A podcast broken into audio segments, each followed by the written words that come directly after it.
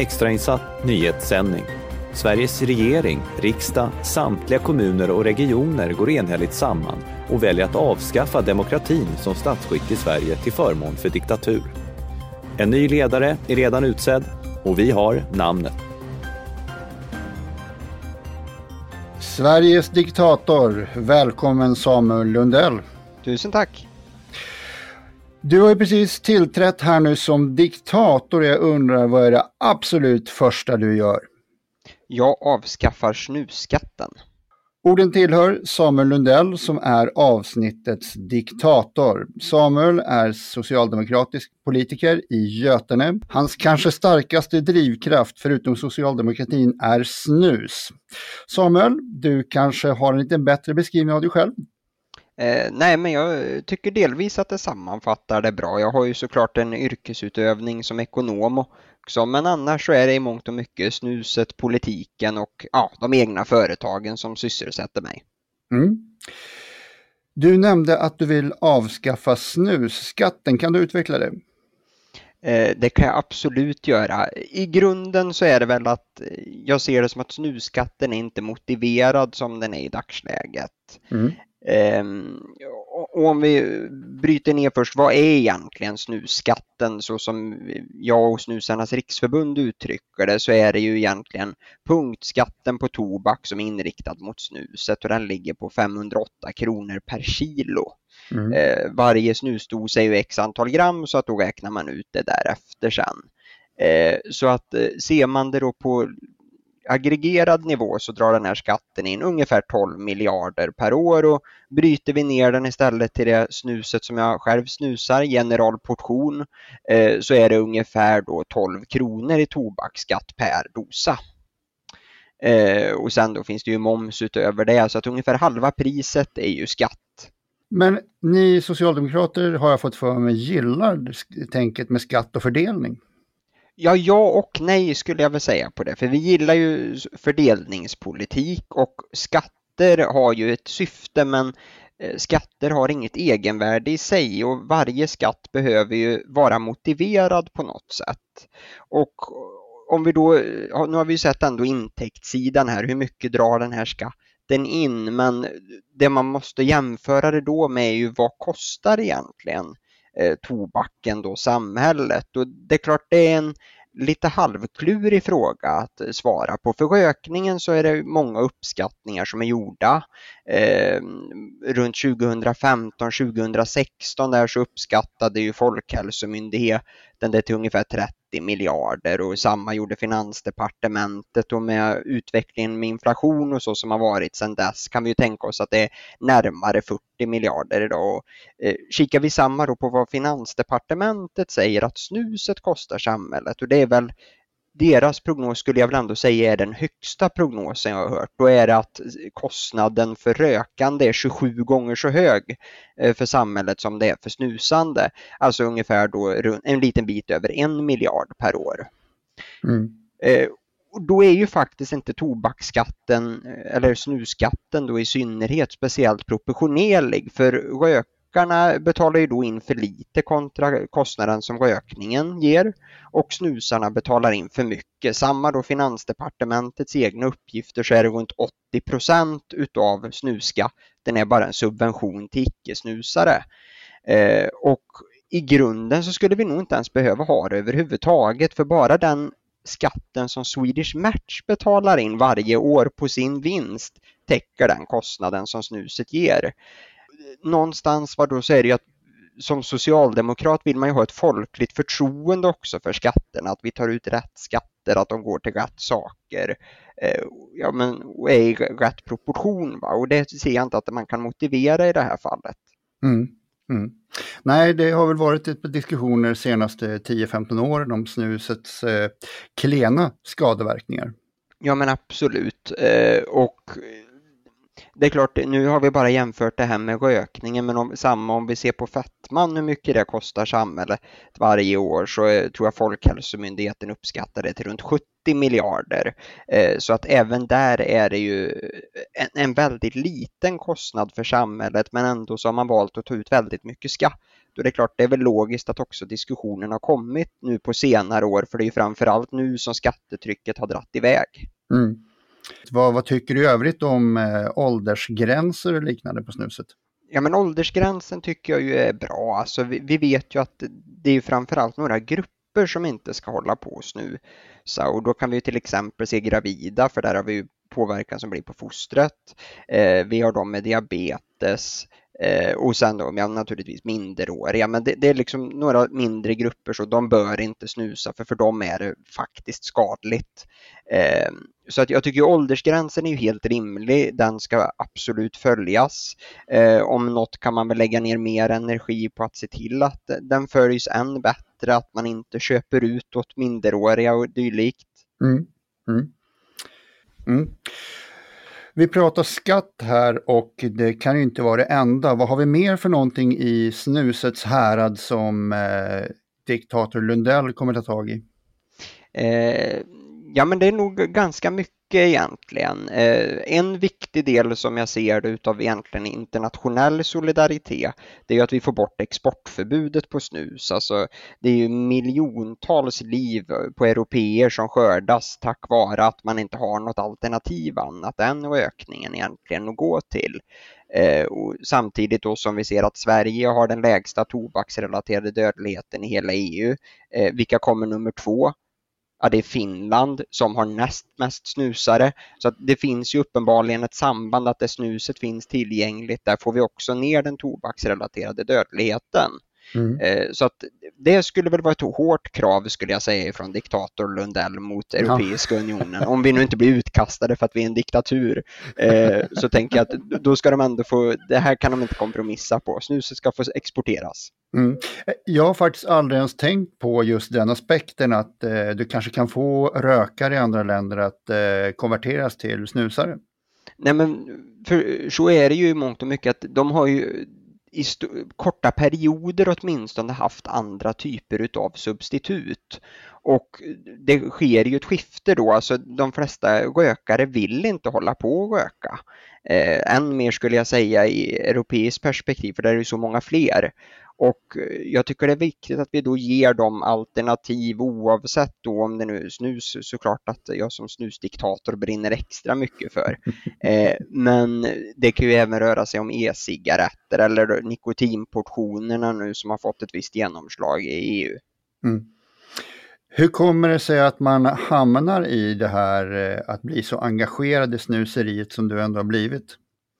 Ja, det är en spännande fråga faktiskt, eh, hur man nu går ifrån att eh, ja, men jag stoppar upp en prilla under eh, läppen lite då och då till att nej, det här ska jag minsann starta ett riksförbund för och driva på politiker. Men det, det kanske är eh, någonting med mig som person att jag inte tar saker sådär halvdant utan det ska gärna göra stora projekt utav vad den gäller. Mm. Får du mycket frågor på just den biten varför du är pro-snus eh, i ditt parti? Inte så mycket egentligen faktiskt. Jag borde nog få frågan oftare än vad jag får den. Eh, men samtidigt kan det nog ha att göra med att i alla fall i den delen av Socialdemokraterna där jag finns, i folkrörelsen om man säger så, bland gräsrötterna, där köper man i mångt och mycket resonemanget ganska ofta att mm. Eh, ja, men vi borde faktiskt inte ha så hög skatt på snus. Eh, vi borde eh, se till så att ja, men folk som röker går över till det. Det finns ju en än mer socialdemokratisk vinkel att ta på det med att eh, vilka är det framförallt som röker i Sverige idag?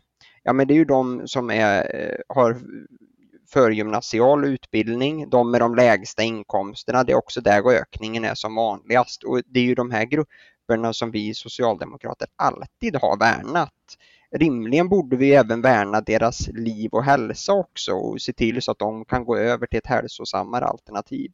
Finns det någonting som säger att ett lägre snuspris skulle få fler att konvertera från röktobak till snus? Ja, och det, på många olika sätt så kan vi se tecken på det. Dels har vi ju priselasticitet som är nationalekonomernas, eh, ett av de nördigaste begreppen kanske, eh, som man i alla fall hör i den allmänna debatten. Eh, men egentligen så att om du justerar eh, priset på en produkt så kommer den att minska i olika hög grad och, eh, och, eller öka i olika hög grad beroende på om du höjer eller om du sänker priset så konsumeras det olika mycket. Eh, men det är ju också så att eh, om du då höjer upp priset på en vara och folk slutar köpa den, då går de ganska ofta över till någon annan typ av vara. Eh, men jag tycker väl den generella utvecklingen vi har sett i Sverige över lång tid visar ju på att det här är ett samband. Alltså om man bara har lite sunt bondförnuft. Eh, vi har jättemycket snusare i det här landet men rökningen har bara minskat och minskat och minskat. Mm. Och pratar man med många snusare idag så är ju de gamla rökare som har gjort ett hälsosamt val och gått över till snuset istället. Vad, vad tror du själv, eh, kvinnor, är det något som eh, kommer locka dem att börja snusa? Ja, det har vi väl redan delvis sett tecken på med nikotinportionerna eh, som eh, jag då förvisso också kallar för snus. Det är väl en eh, viss åldersskillnad där vad man klassar in i begreppet snus och inte. Men vi, vi väljer att se på det så från Snusarnas riksförbunds sida att allt det här klassar vi som snus. För börjar vi någonstans vara dela upp oss, då är vi mycket, mycket svagare. Eh, det är egentligen när vi är enade som vi kan åstadkomma en förändring. Och oavsett om det gäller höjda priser, höjda skatter eller förbud mot smaksättning. Dagen det har gått igenom mot nikotinportionerna, då kommer ju det klassiska tobakssnuset därefter också. Ehm, men eh, där ser vi ju att unga kvinnor är ju överrepresenterade när det gäller användningen just av eh, nikotinportioner. Eh, så att jag tror nog de, de har sin roll i att eh, få över eh, kvinnorna. Sen har vi ju även eh, Sting Free som är en relativt ny produkt eh, som egentligen så är en eh, nikotinportion där ena sidan på den här lilla eh, prillan är gjord av ett annat material så att det svider inte på tandköttet när man stoppar in den. Eh, en annan då som redan har förstört sitt tandkött, jag märker ju ingen skillnad, det svider ju varken eller oavsett mm. vad jag stoppar in. Men rökare som jag vet har testat det, de tycker ju att det här var betydligt enklare än det klassiska snuset. Mm. Om man då är lite traditionalist vad det gäller snuset, eh, vad säger man då om alla de här nya moderniteterna? Höll jag på att säga det, får du nästan fråga någon som är lite mer traditionell. Nej, men jag, jag, snusar ju själv som sagt generalportion så att eh, och jag tycker ju att det är eh, det finns ett annat djup i den smaken än vad det finns i eh, nikotinportionerna. Så jag tycker de har ofta ganska festliga smaker och sådär och det kan vara lite trevligt att fästa till det med sånt då och då. Men alltså ta efter maten-snusen med en sån kontra en generalportion, det är ju inte i närheten jämförbart. Det är ett helt annat djup i smaken som blir med tobaken. Mm. Så som diktator så kommer du alltså inte införa något obligatoriskt snusande hos befolkningen?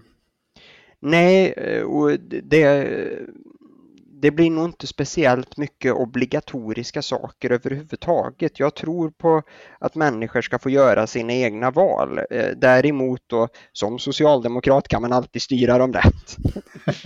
Eh, och där, liksom, där kan man jobba med till exempel beskattningsfrågan men i grunden tror jag ändå att människor är kloka nog att eh, göra kloka val och jag vill inte ha något samhälle, eh, någon slags nästan hälsofasciststat där allting som är gott och alla njutningsmedel förbjuds. Eh, alltså pratar vi bara skadeverkningen just med snuset, jämför det med godiset så är godiset säkerligen en större samhällskostnad och är mm. mer skadlig för kroppen men därmed föreslår jag inte att vi ska förbjuda godiset Nej, nej. Är du, vi pratar lite traditionalism där och där snuddar du nästan förbi lite libertari libertarianism där ett tag också. Men eh, du, du, du drog hem det snyggt. Ja, jag tackar.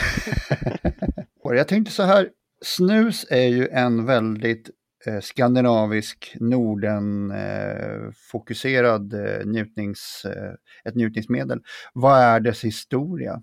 Jag på att säga, får du nästan fråga en historiker allra bäst. Men i grunden kommer ju inte snuset här uppifrån Norden utan det är ju importerat. Sen har vi ju haft en väldigt stark tradition utav eh, snusande i det här landet och eh, det är ju månghundraårigt och det, det är ju som en del utav den svenska kulturen på något sätt. med snusandet. Mm. Och jag skulle väl även säga att uh, även precis som det är en del av den svenska kulturen så kan den också bli en del av individens identitet på ett sätt. Om man eh, jämför den till exempel med rökning och sådär så är det kanske inte nödvändigtvis det coola gänget eh, ute i köket som sitter där och snusar eller som går ut utanför dörren och ska snusa lite utan det är någonting man har ganska så mycket för sig själv på sitt sätt men det finns ändå en väldigt fin sammanhållning mellan snusare upplever jag det som. Att, eh, som jag åker tåg till exempel mellan Skövde och Stockholm eh, ett par gånger varje vecka i regel. Och är det så att jag träffar på någon gång en snusare som sitter bredvid mig, ja, men då kan vi sitta under den här mm. två timmar långa tågfärden och bara prata snus. Ja. Eh, och, och, direkt känna någon slags samhörighet och sammanhållning. Och om inte annat så det reflekteras väl också i att det finns nu ett riksförbund för snusare. Alltså rökarna har inget riksförbund men ändå har rökarna blivit utsatt för betydligt hårdare påtryckningar mm. ifrån statens håll. Eh, och det ser jag väl om något är väl min stora trygghet som mm. diktator att snusarna kommer alltid att skydda kanslern eh, när han härskar. jo, nej men som du säger, det är ju faktiskt så. Det är ju en eh, social dörröppnare med de här små, eh, vad ska man säga, eh, signalerna som just det att man har den här ringformade eh, skavet på fickan, man har en pris under läppen och så vidare som gör att det är lätt att snacka där.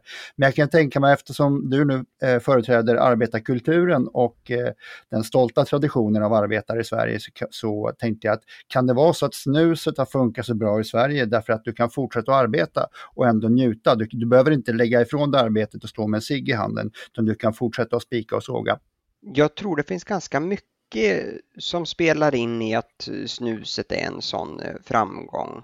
Ehm, det var en författare som skrev om snus som beskrev det lite som att ja, men när rökaren har rökt klart sin cigarett så lämnas den liksom därhän tills nästa cigarett ska tas men eh, snuset är som en liten snuttefilt där som alltid finns med en eh, och som alltid ger en njutningen och som mm. du säger man kan ha den lite när som, jag menar, eh, jag började ju snusa när jag gick på universitetet eller ja, specifikt högskolan mm. och jag hade ju inte stått ut en sex timmar lång tenta om jag hade varit rökare. Alltså jag hade ju fått sån nikotinabstinens.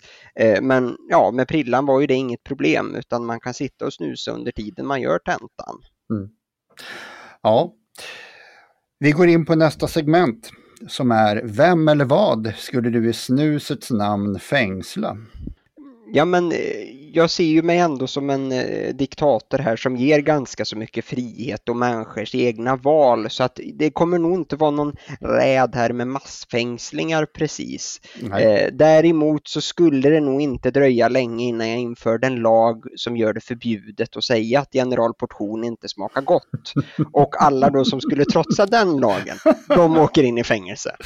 Ja, jag förstår och vi har då den starkare reprimanden här för en, en fängslad människa har man ju hopp för eller en fängslad eh, eh, som i ditt fall eh, den här lagen du nämnde. Deportera, det är då alltså den som är hopplös, den vill du bara härifrån. Vem eller vad deporterar Lundell?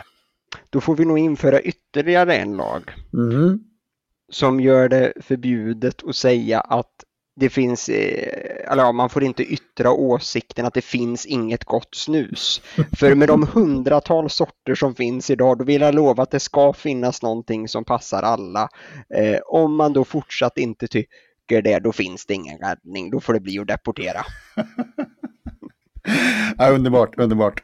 Och korruption är ju vanligt bland diktatorer, så att jag tänkte höra, vem eller vad ger du helt ohemula ekonomiska fördelar? Ja, det beror nog på vem man frågar. Med bara de förslagen jag redan tagit så skulle det nog finnas många i antisnuslobbyn som säger att jag ger snusarna orimligt stora ekonomiska fördelar. Eh, men jag tänker att eh, som diktator här så behöver jag ju ändå någonstans va, säkra upp min makt och det gör jag ju bäst genom att trygga eh, snusarnas stöd och att snusarna då fortsatt här har mycket resurser så att jag tar mitt egna riksförbund som jag pumpar in miljarder utav statskassan i. Jag förstår. Är det någonting som du vill promota lite och tala om var man hittar det någonstans, förbundet? Det kan jag absolut göra. Det är på vår hemsida snusarnasriksförbund.org eh, och eh, där kan man läsa om dels vilka åsikter vi har, hur man blir medlem och vi har en förvisso ouppdaterad sida också när vi är med i media. För det har börjat bli så ofta som vi berörs i media så vi hinner inte med att uppdatera det. Jag förstår, jag förstår. Och då, vem eller vad vill du se som nationalhelgon i Samuel Lundells nya stat? Där ser jag att det finns en person som definitivt är given och det är Jakob Fredrik Ljunglöf, mannen bakom ettan, snuset. Inte illa. Berätta lite kort mer om honom. Eh, nej men det är ju eh, en egentligen del av den här långa svenska snustraditionen med den här ja, 200-åriga produkten och jag tycker att mannen som har gjort ett så ikoniskt snus som har blivit en så viktig del av den svenska kulturen, han ska bli nationalhelgon. Och då kommer vi till den sista punkten här då. Vem blir din efterträdare? Och med den här frågan menar jag alltså, vem vill du se i podden? Då tänker jag att Patrik Strömmer från Svenska Snustillverkarföreningen ska bli nästa. Nu har vi hört här hur det är när vi har en snusarkonsumentdiktatur. Men om producenterna fick ha diktatur, det hade varit spännande att höra. Hur likt hade det varit egentligen? Vi ska försöka få honom att komma med i podden. Och med det så, Samuel, vill jag höra dina avslutande ord. Ja, men det är dags för snusarna att ena sig. Eh, jag eh, på en mer seriös nivå uppmanar naturligtvis inte till någon revolt, men för poddens syfte så snusare, ta till doserna. Nu ska vi kasta varenda tom dosa vi har på Rosenbad och riksdag. du ska ha ett stort tack Samuel. Stora tack. Tack, tack. Hej. Hej. Det var allt från Sveriges diktator för denna gång. Om du gillar podden är vi glada för all delning, alla gilla och varje tips till dina vänner om att podden finns. Du hittar oss också på sverigesdiktator.se. Tack!